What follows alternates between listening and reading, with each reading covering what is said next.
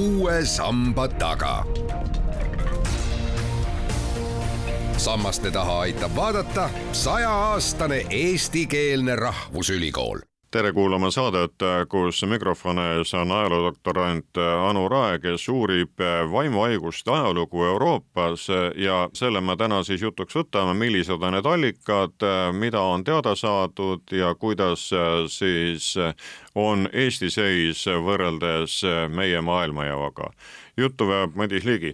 millest selline huvi? psühhiaatria on äh, minu meelest väga põnev eriala, mida ajaloos uurida. põhjus on selles, et seal on niivõrd palju aspekte.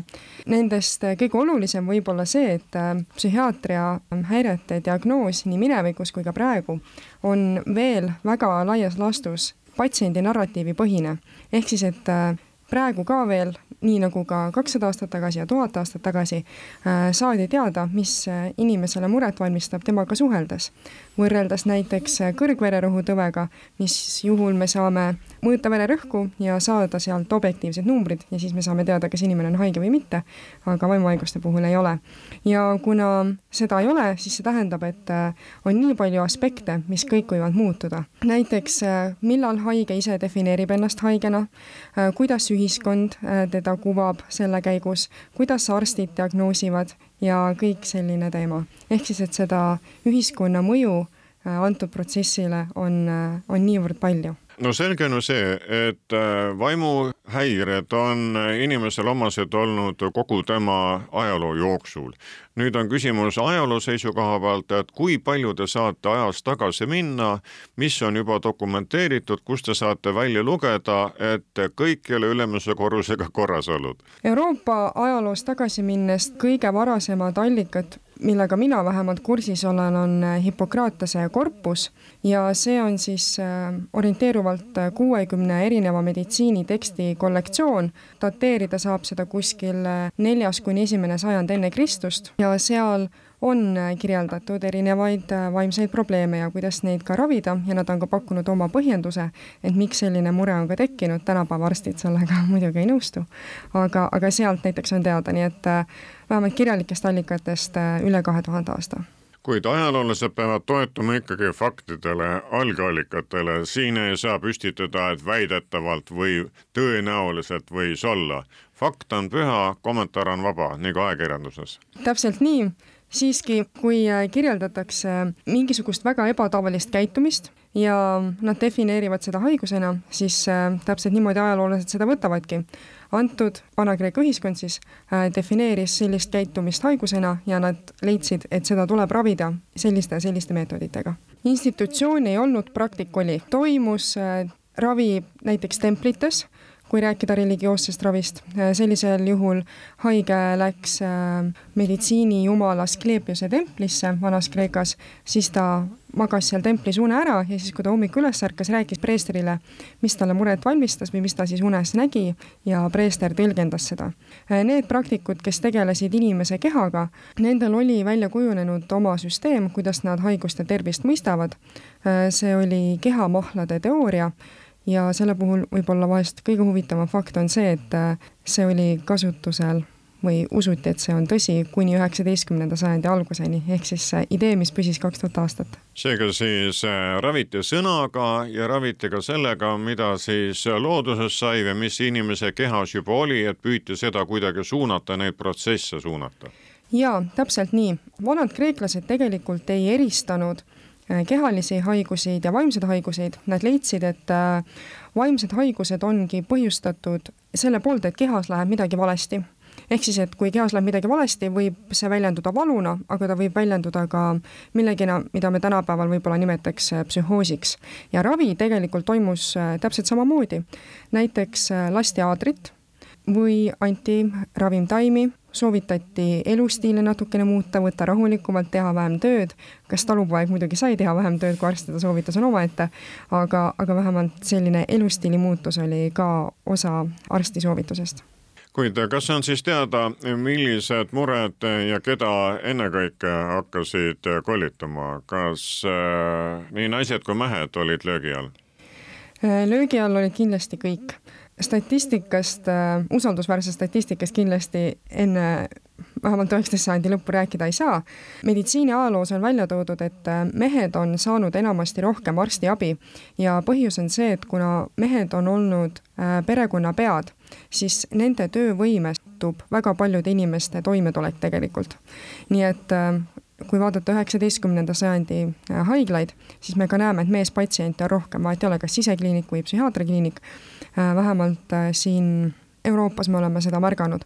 Ja ajaloolased ongi arvanud, et, et põhjus on, ongi just selles, et mehe töövõime on oluline, et kui mees kaotab töövõime, lisaks temale endale ju jäävad ka nälga tema naine ja lapsed kas oled äh, välja uurinud ka, et kuidas siis neid esimesi ravitsejaid nimetati, kas nad olid hingearstid äh, või oli neil mõni teine peenem nimi?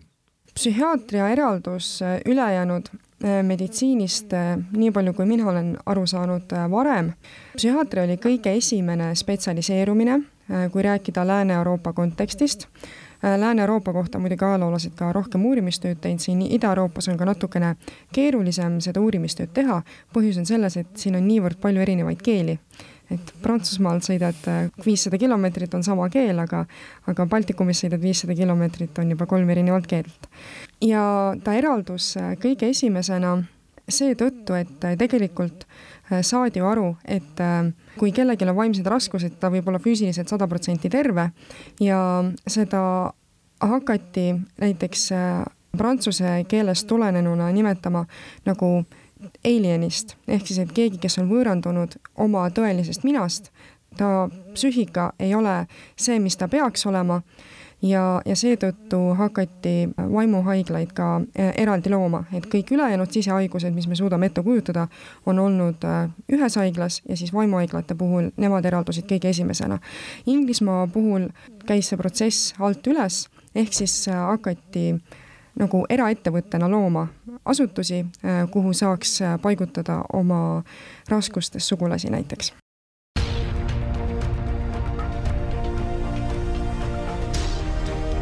Uue samba taga.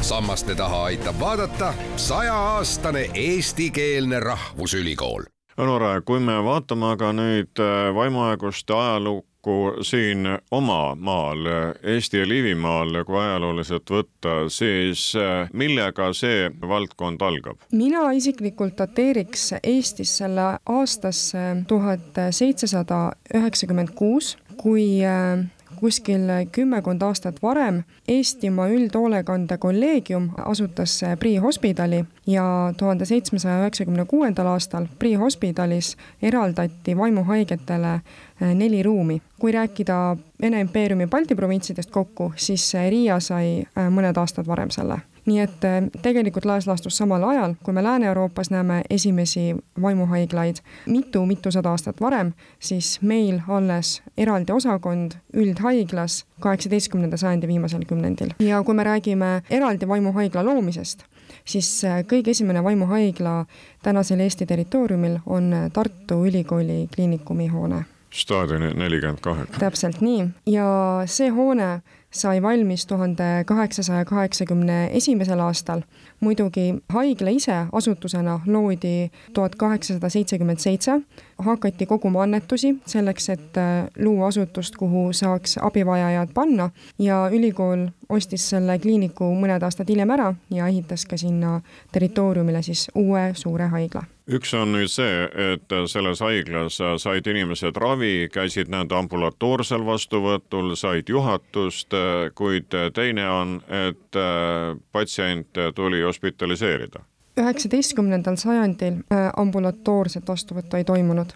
kui midagi sellist sai toimuda, siis see pigem käis äh, samamoodi nagu mingi võib-olla kehalise haiguse puhul, et arst tuleb sulle koju ja siis ta annab sulle selle nõu. ambulatoorne, noh, niisugune dispanserite süsteem nõukogude ajal, nii palju kui mina tean, ongi pärit äh, vahetult pärast teist maailmasõda.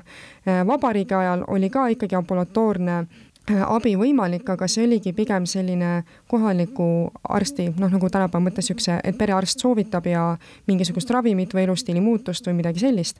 aga üheksateist sajandil, mida mina ise olen uurinud, on, on siis sama, kui võib-olla niisugune üldarst midagi soovitab, aga, aga hospitaliseerimine on ainus lahendus väike vihje juba nõukogude ajal oli, kuid äh, vaatame natukene veel ajalukku, et esialgu ikkagi raviti neid vaimuhaigeid, mitte ei isoleeritud neid ühiskonnast poliitilistel eesmärkidel, nagu see oli iseloomulik nõukogude perioodil, et kui keegi oli kehtiva korra vastane, siis äh, leiti tal mingi viga või teine võimalus, mis sellega ka haakub, kui noormehed tahtsid äh, Nõukogude sõjaväest pääseda, siis nad mõtlesid midagi välja, kurtsid äh, oma psüühilisi häireid äh, ja äh, said siis templi, et nad on tegevteenistusest vabastatud meditsiinilistel põhjustel. siin on ajas olnud erinevaid lähenemisi. jaa, kindlasti, siiski nõukogude ajal ka ju rõhuv enamus psühhiaatriast ikkagi tegeles raviga. tegelikult psühhiaatrial tänapäeva mõttes efektiivset ravi ei olnud enne viiekümnendate keskpaika kuigi asutustes anti erinevaid medikamente, aga üheksateist sajandi haiguslugudes on näha, et need arstid kirjutavad, et ta sai vanni, äh, sai erinevaid, äh, erinevaid ravimeid, nii et nad üritasid tegelikult patsientidega küll midagi teha, aga efektiivseks muutub see alles tuhande üheksasaja viiekümnendatel, kui tulevad esimesed päriselt töötavad psühhofarmakonid nii et kõik, mis enne seda tehti, muidugi üritati ikkagi teha, arst peab ju aitama, arst peab rohtu andma, aga ta oli võib-olla vähem efektiivne. jah, eks neid nägemusi ja teemaneid ole ju aegade jooksul igasuguseid olnud, mis meie eestlaste peadest on läbi käinud ning teinekord ongi vaja siis arstiabi, et kodanik juhatada õigele rajale tagasi või vähemalt püüda seda teha. jaa, täpselt nii praegu siis teil, Hanno doktoritöö kirjutamine käib äh, ja materjale selle kohta ikkagi meie arhiivides äh, ka on. Eesti ja Liivimaa on ennekõike teie uurimise keskmes jaa, siiamaani ma olen vaadanud ainult äh, Tartu Ülikooli psühhiaatria kliinikut üheksateist sajandi lõpus, aga ma üritan seda ka kindlasti laiendada Seevaldi peale, võib-olla Jämejala ja oleks võib-olla huvitav ka Riia materjale vaadata, aga kas nii palju jõuab või peab ootama doktori järgset tööd, seda ma veel ei oska öelda. aga materjali leidub, kui kellelgi on huvi, palun tulge, sellepärast et ühe inimese elu ei ole piisav, et kõik Eesti psühhiaatriahaiglad üle uurida, läbi uurida käib siin ka lainetena, et teatud perioodidel on neid muresid nagu rohkem, teatud aegadel vähem tänapäeva psühhiaatriast ma küll eriti palju ei tea, aga nii palju ma olen aru saanud, et kuna erinevad äh, stressorid keskkonnast võivad esile kutsuda haigust, mis muidu on äh, olemas, aga ta ei ole avaldunud või kuidas ma ütlen, on olemas potentsiaal, et ta võib avalduda. kui keskkond on hea ja ilus, siis ta ei avaldu kui keskkonnas läheb midagi halvasti, siis ta avaldub. näiteks äh, ma mäletan artiklit, et äh, Ukraina sõjapõgenikel on tõenäoliselt palju-palju rohkem psühhiaatrilist abi vaja kui nendel inimestel, kes ei ole midagi nii hirmsat üle elanud. et äh, lainetena ta käib, mida on võib-olla kõige lihtsam ka vaadata, oleks näiteks enesetappude arvu kasv majandussurutiste ajal. see oli nii sada aastat tagasi, kui äh, kahekümne üheksandal aastal börsid äh, kukkusid ja see oli samamoodi ka äh, praegu, nüüd kui oli see masu siin kümmekond aastat tagasi. et kuigi enesetapp on midagi, mis on mitmest erinevast faktorist põhjustatud, et psühhiaatrid räägivad, et see ei ole ainult ja ainult haiguse väljund, aga, aga siiski me näiteks näeme, et kui majandus on halb, et siis ka selliseid kurbasid sündmusi juhtub rohkem kui muidu ning teine küsimus on see, et kas inimesed äh, peavad vajalikuks ja tarvilikuks, äh, on neil mahti ja julgust minna sellel raskel ajal, näiteks olgu need sõjad või midagi muud, siis arsti juurde või nad elavad äh, sissepoole ehk praevad ennast oma rasvas ja oma muredes?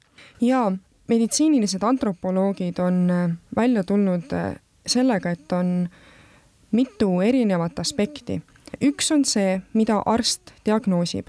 Eesti keeles nimetatakse seda tõveks, kui meditsiinisõnastiku järgi vaadata. tõbi on siis midagi, mis on objektiivne ja igal inimesel sama, olenemata ajast ja kultuurist. on ka teine aspekt teine aspekt meditsiinisõnastu järgi, sõnastiku järgi on haigus. ja haigus on äh, siis kahest aspektist koosnev. punkt üks, kas ja kuidas mina ennast defineerin kui mina ennast haigena ei defineeri, siis ma ka tegelikult ju arstiabi ei otsi. või kui ma defineerin ennast haigena, isegi kui mul võib-olla objektiivselt, bioloogiliselt ei ole midagi viga, ma defineerin ennast, siis ma ka otsin arstiabi. ja teine aspekt selle haiguse puhul on see, kuidas äh, ühiskond mind kuvab. sellepärast, et äh, olenemata minu definitsioonist, teised näevad mind ikka omamoodi nii et äh, kas ja millal minnakse abi otsima, see sõltub sellest ka muuhulgas, kui palju teadvustatakse, et milline käitumine ja mõttemuster on patoloogiline ja milline mitte kui äh, peas on suitsiidsed mõtted, kas nii peab olema või see on sügava depressiooni sümptom, mille puhul tuleb abi otsida. nii et ma kujutan ette, et äh, abi otsimise tõenäosus sõltubki just sellest. ja muidugi, mida rohkem me räägime, millised on vaimse tervise probleemid, siis äh, seda rohkem on meil lootust, et inimesed saavad ka abi. selle teine aspekt on muidugi siis ühiskonna kuvand, kui tulevad sinna juurde artiklile kommentaarid, et äh, vanasti, ma ei tea küll, millal see vanasti on, see on mu lemmikmõiste, kui seda alati kasutatakse, sest kunagi ei defineerita, aga et vanasti inimestel ei olnud nii palju hädasid, tänapäeva noored ongi lihtsalt äh, nõrgakesed, lumehelbekesed, kas siin on generatsioonide erinevus, et me olemegi tänapäeval nõrgad äh, või siis tänapäeval noored inimesed on rohkem teadlikud äh, probleemidest ja vanem generatsioon võib-olla lihtsalt äh, täpselt nagu te ütlesite, praadis ennast iseenda rasvas. Kokkuvõtvalt võime öelda seda, et elu on aegade jooksul olnud mitmekesine ja haigused on üks osa sellest elust ja ka praegusest muidugi ning psühhiaatria omakorda siis üks valdkond ning teie seda uuritegi, sellepärast et mida rohkem me minevikust teame, seda parem on ka see pilt, mis meile eelnenud aegadest välja joonistub. täpselt nii, et äh, minu uurimistöö üks äh, põhjendus ongi just see, et siiamaani on uurimata. Eesti psühhiaatria ajaloost on kirjutatud ainult äh, institutsionaalsest aspektist, Äh, sisuliselt, millal tuli uus haigla direktor, millal tehti ühe või teise tiiva laiendus, millal võeti kasutusele üks või teine ravimeetod, aga seda ei ole pandud konteksti. konteksti oma aja konteksti saab panna näiteks äh, haiguslugusid lugedes. haigusloost tulebki väga hästi välja need definitsioonid, mis ma enne ütlesin, mis tingib haiglasse tuleku kes ütleb, et, et see patsient peab tulema haiglasse, kas ta ise tunneb või umbes ema toob näiteks. ja siis me näeme, kuidas arst temaga käitub, kas äh, on erinevus, kui baltisakslasest kõrgharitud arst ravib Eesti talupoega või ta ravib oma seisusekaaslast ja siis samamoodi, kuidas ta haiglast välja pääseb, on ta terve, on ta haige, kes ta sealt haiglast välja võtab, et äh, kõik sellised küsimused annavad meile aimu, kuidas ühiskond ka omal ajal toimis, sest kui me küsime täpselt sama küsimusi tänapäeval, siis see annab ka aimu meie ühiskonna kohta, kuidas me kuvame ja kuidas me ka suhtume patsientidesse. Nendele ja teistele küsimustele otsib praegu vastust siis doktorant Anu Rae, kes kirjutab doktoritööd psühhiaatria ajaloost küsija oli Madis Ligi.